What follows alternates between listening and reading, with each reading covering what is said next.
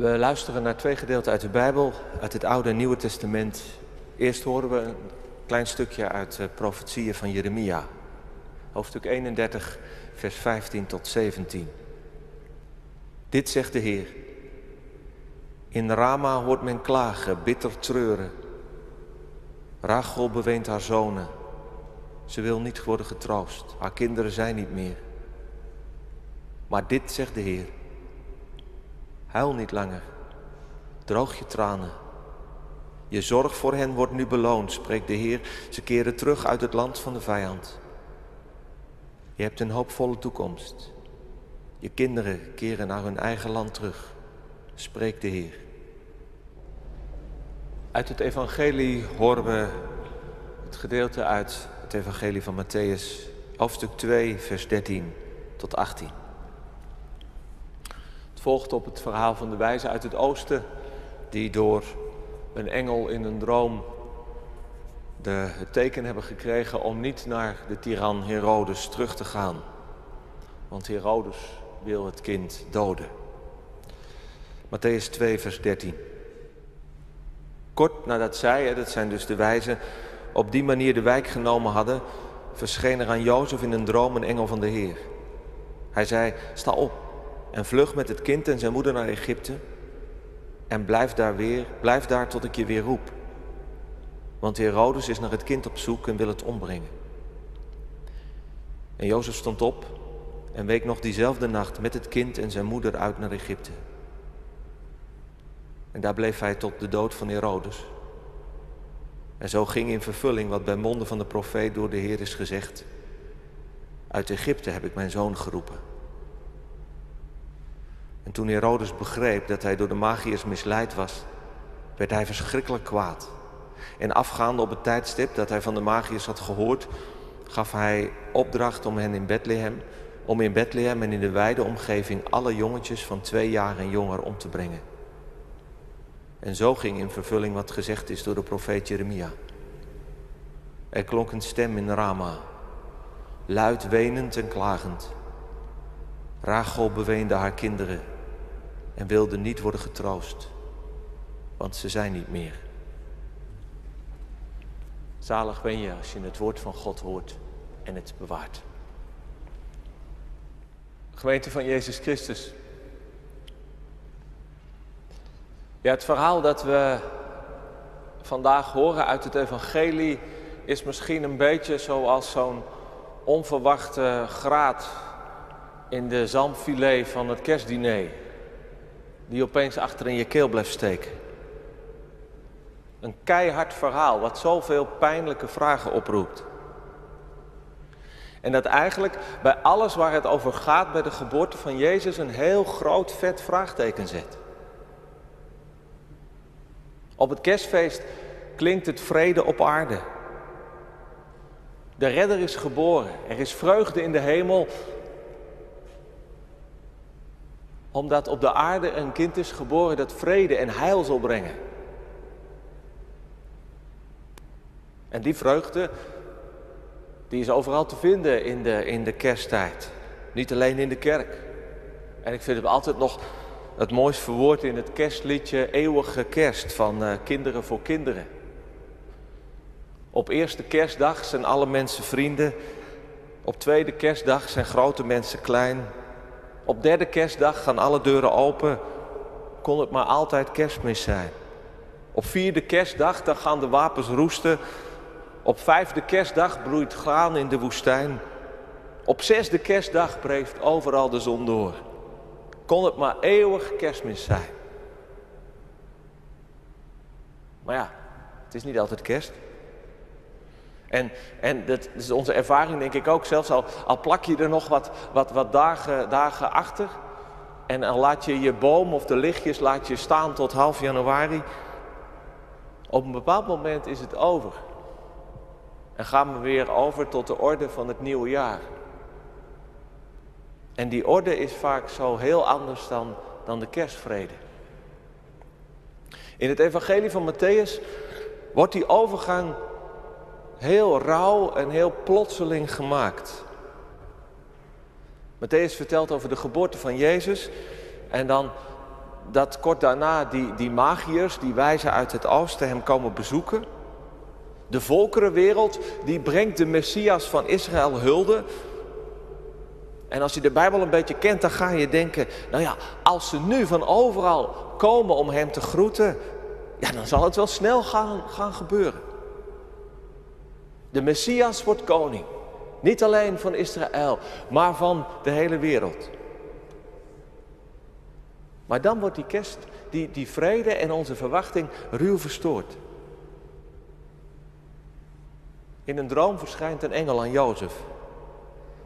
Met de opdracht om te vluchten. Zo snel mogelijk weg hier. Want Herodes heeft het op het leven van het kind gemunt. En zo vluchten ze hals over kop in de nacht naar Egypte. De verlosser moet terug naar het land waar ooit zijn volk in slavernij zat. En waar ze in de nacht werden uitgeleid. Koning van de Joden moet zijn eigen land al, al verlaten, nog voor hij een jaar oud is. En wordt een bedreigde vluchteling, een asielzoeker in Egypte. Het is een beetje als bij het vakje 58 bij Ganzenbord. Terug naar af.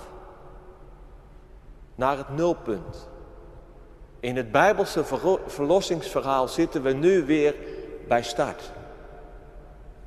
Vast in het diensthuis. Vreemdeling in Egypte. En het is allemaal de schuld van Herodes. Die bang is geworden. Hij, de succesvolle en machtige koning die overal tegenstanders had, zoals altijd natuurlijk. En die er niet voor terugdeinsde om over lijken te gaan om zijn macht te behouden. Het is bekend dat hij zelfs zijn zonen liet vermoorden. Hij is een van de tirannen die in de wereldgeschiedenis groot werd genoemd. Hè? Herodes de Grote. Maar het is zoals zo vaak een grootheid die gebouwd is op angst en geweld en uitbuiting. Vraag het maar aan Jiang Jiang, die die uitbraak van COVID in Wuhan filmde. En nu in hongerstaking in de Chinese gevangenis verkeert. Vraag het aan Alexei Navalny, die nog herstelt van de vergiftiging van de Russische autoriteiten die hij bekritiseert om hun corruptie en uitdaagt.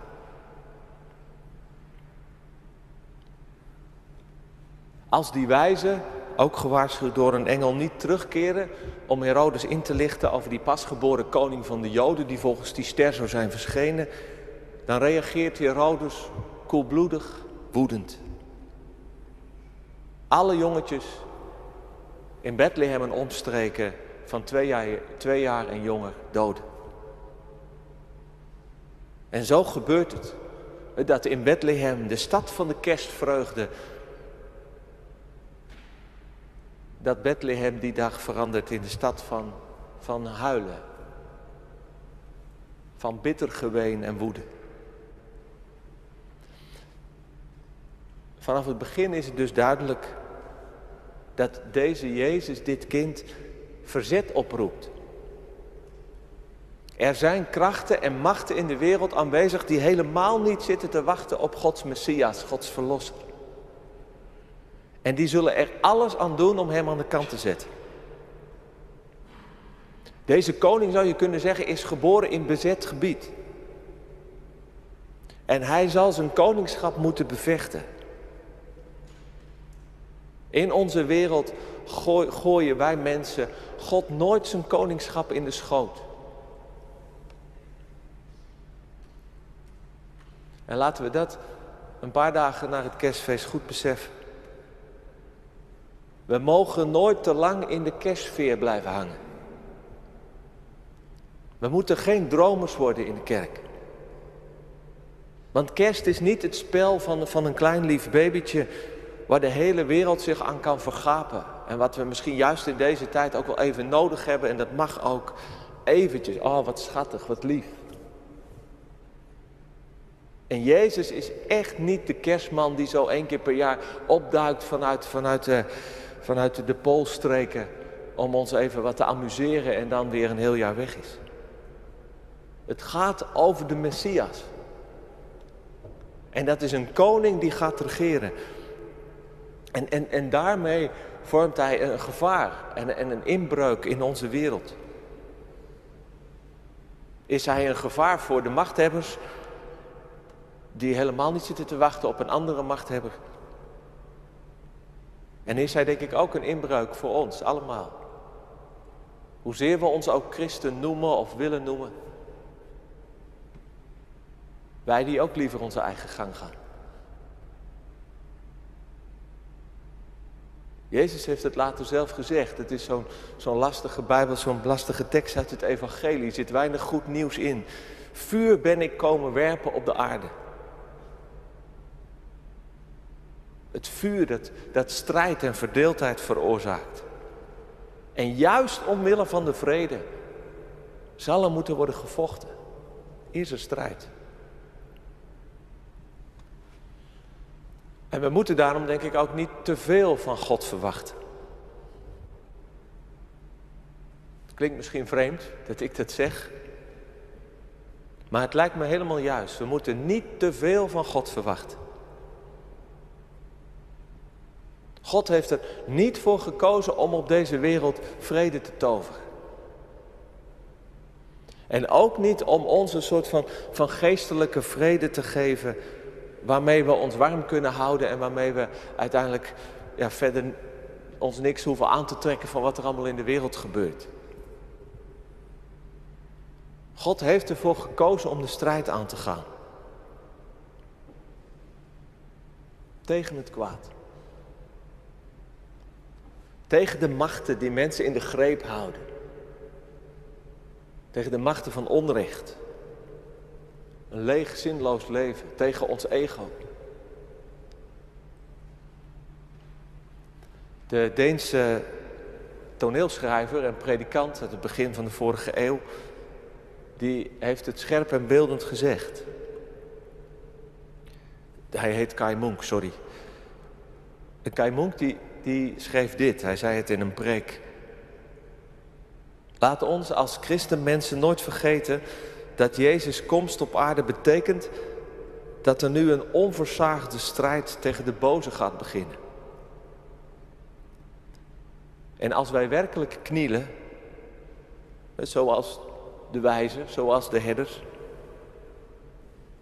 in een andere dan alleen maar een sentimentele stemming, dan zien wij dat de ene hand van het kinderke vriendelijk geopend is maar de andere tot een bloedige vuist is gebald. De kerstvreugde van van de christen, dat is de vreugde dat hij daar waar het gevecht gaat beginnen erbij mag zijn.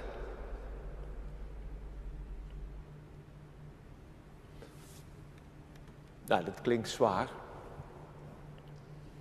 Strijd, gebalde vuist, dat begrijp ik ook wel.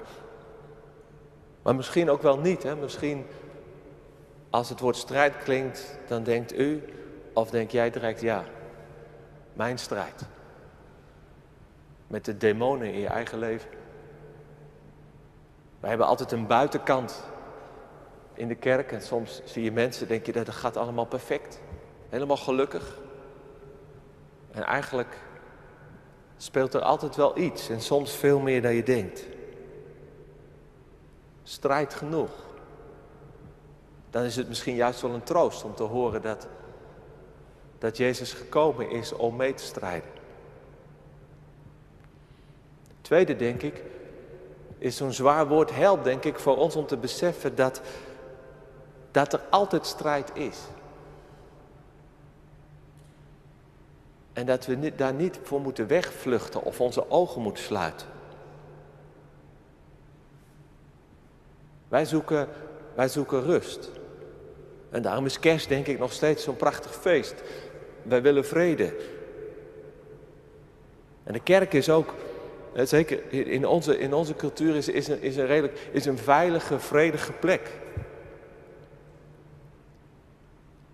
En wij, dat geldt in ieder geval voor mijn gemeente, volgens mij voor jullie ook. Hè, wij zoeken ook, ook elkaar op. Dat geeft ook een, soort, beetje dezelfde soort mensen. Middenklasse, hoger. Dat geeft, dat geeft een soort van, van zekerheid en comfort. Maar vergeet niet, hoe veilig het ook kan voelen, we zitten midden in de strijd. En misschien is voor ons soort mensen, om het zo even te zeggen, is de strijd vooral de strijd tegen de mammon. De enige afgod die Jezus in het evangelie noemt. Die spullen-God. De God van het comfort. En ik denk ook dat, dat dit, dit verhaal ons de, eigenlijk vraagt om ook te bidden dat onze ogen open gaan. Voor wat er in onze eigen leven speelt aan strijd. Waar het gevecht zit maar ook in onze omgeving. Want er is in de wereld een strijd gaande met het kwaad.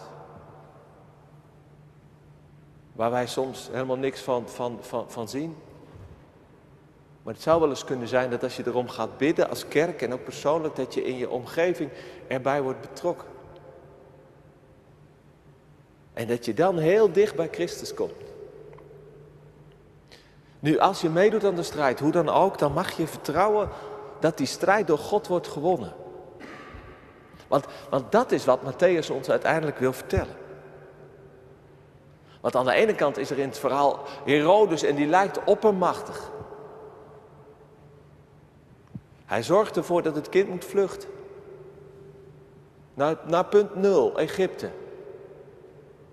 En hij kan ongestoord onschuldige kinderen laten vermoorden. Maar Matthäus die laat ons met andere ogen naar het gebeuren kijken. En dat doet Matthäus altijd in zijn evangelie door, door woorden uit, uit de Bijbel, uit het Oude Testament te citeren.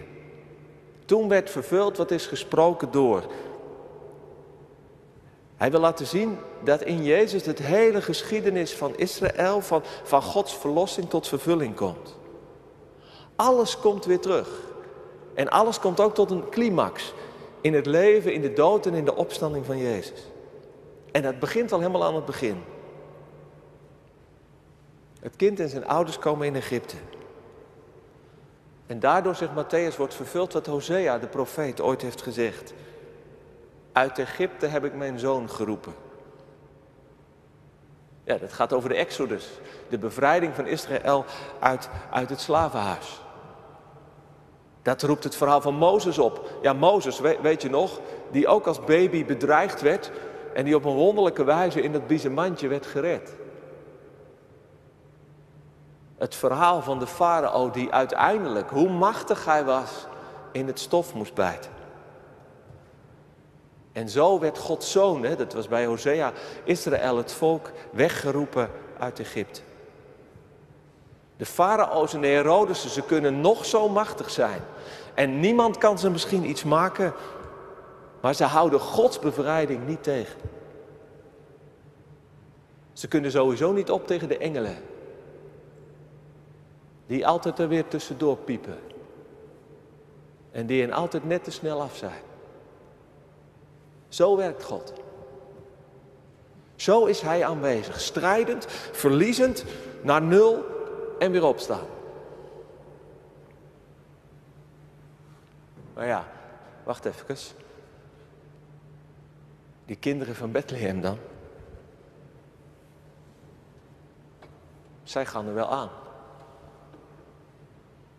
Zijn zij in de strijd tussen God en Herodes de collateral damage, zoals dat in militaire taal heet? Onbedoelde zijdelingse schade. Ja, dat gebeurt nu eenmaal als er gevochten wordt.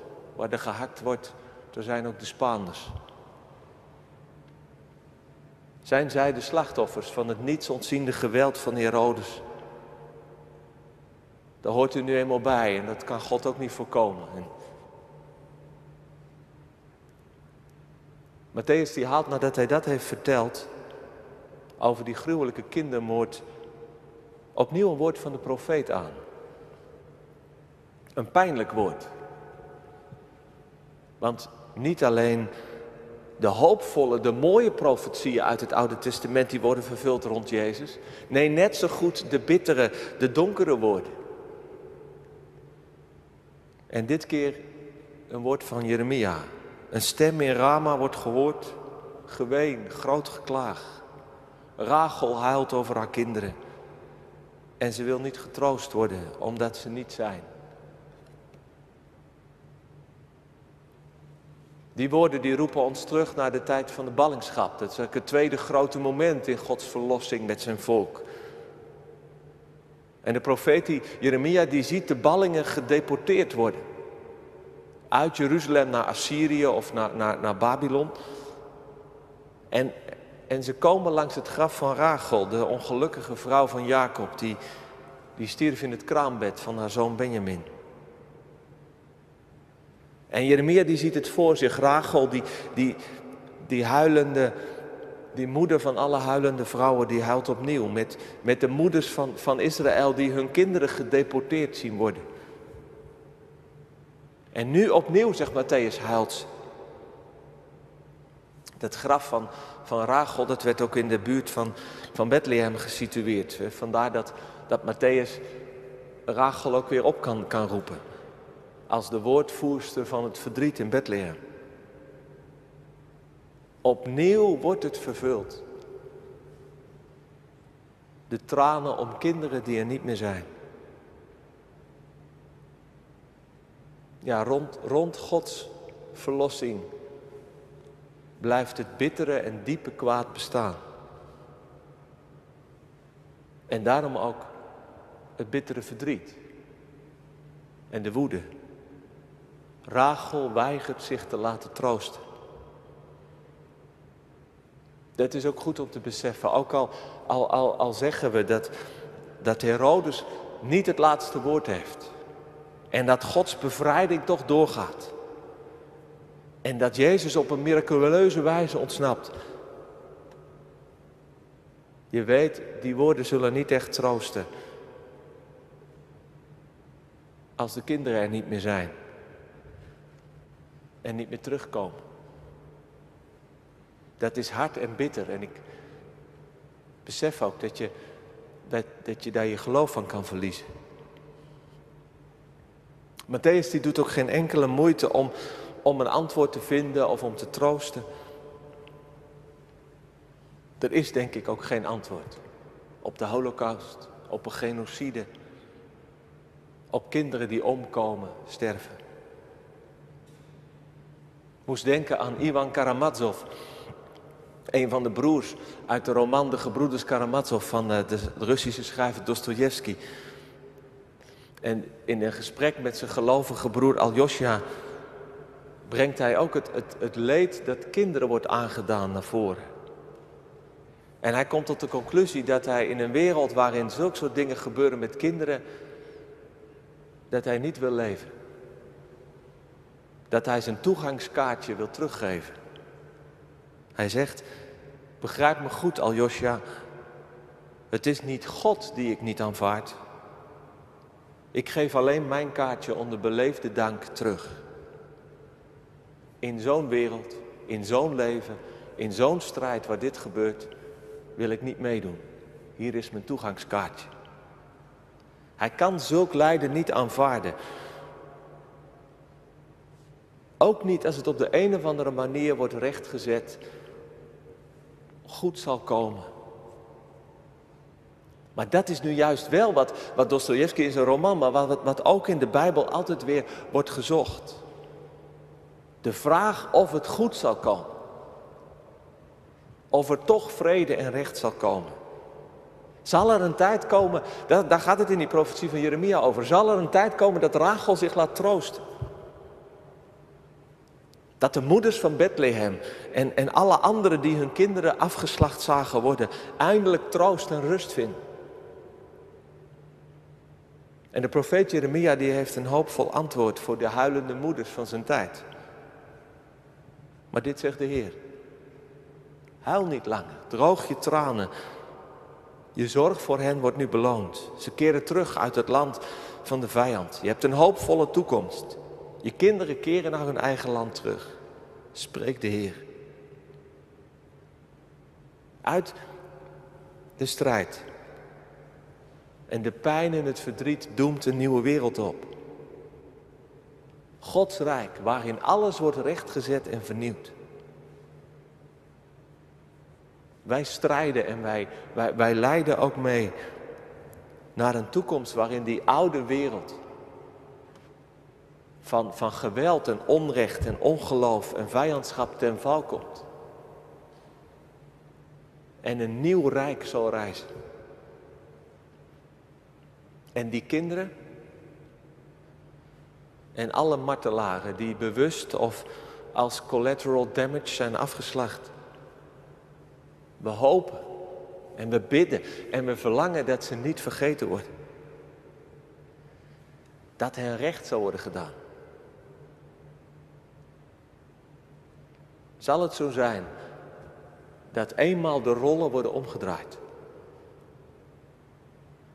En dat het kind van Bethlehem nu wel Herodes de tiran zal ontmoeten. En dat hij hem zal veroordelen. En zullen de onschuldige kinderen van Bethlehem er dan bij zijn? Zo stelt Kai het zich wel voor. Maar de kleine kinderen, zegt hij, zullen zich scharen om de verlosser. Engelen zijn ze nu. En je kunt alleen nog maar een klein litteken zien aan hun hals, hun borst, hun zijde. Daar waar het zwaard hen trof. En zij lachen nu en hun moeders lachen ook. Het is goed, broeder Jezus, dat wij toen ons leven voor u gaven. Zodat gij uw grote werk kon aanvaarden. Het was goed dat wij geofferd werden, opdat u vrij uit zou gaan. Ja, zal het zo zijn? Zal uiteindelijk de wereld rond broeder Jezus, de enige Heer, vrede en recht vinden? En met die vraag en met de felle hoop dat het antwoord op die vraag ja zal zijn. Omdat Christus overwint, gaat de strijd voort. En aan ons de vraag, of we mee gaan doen. Of we mee blijven doen. En de bemoediging dat de engelen er zullen zijn als onze heilige strijdmakkers. Amen.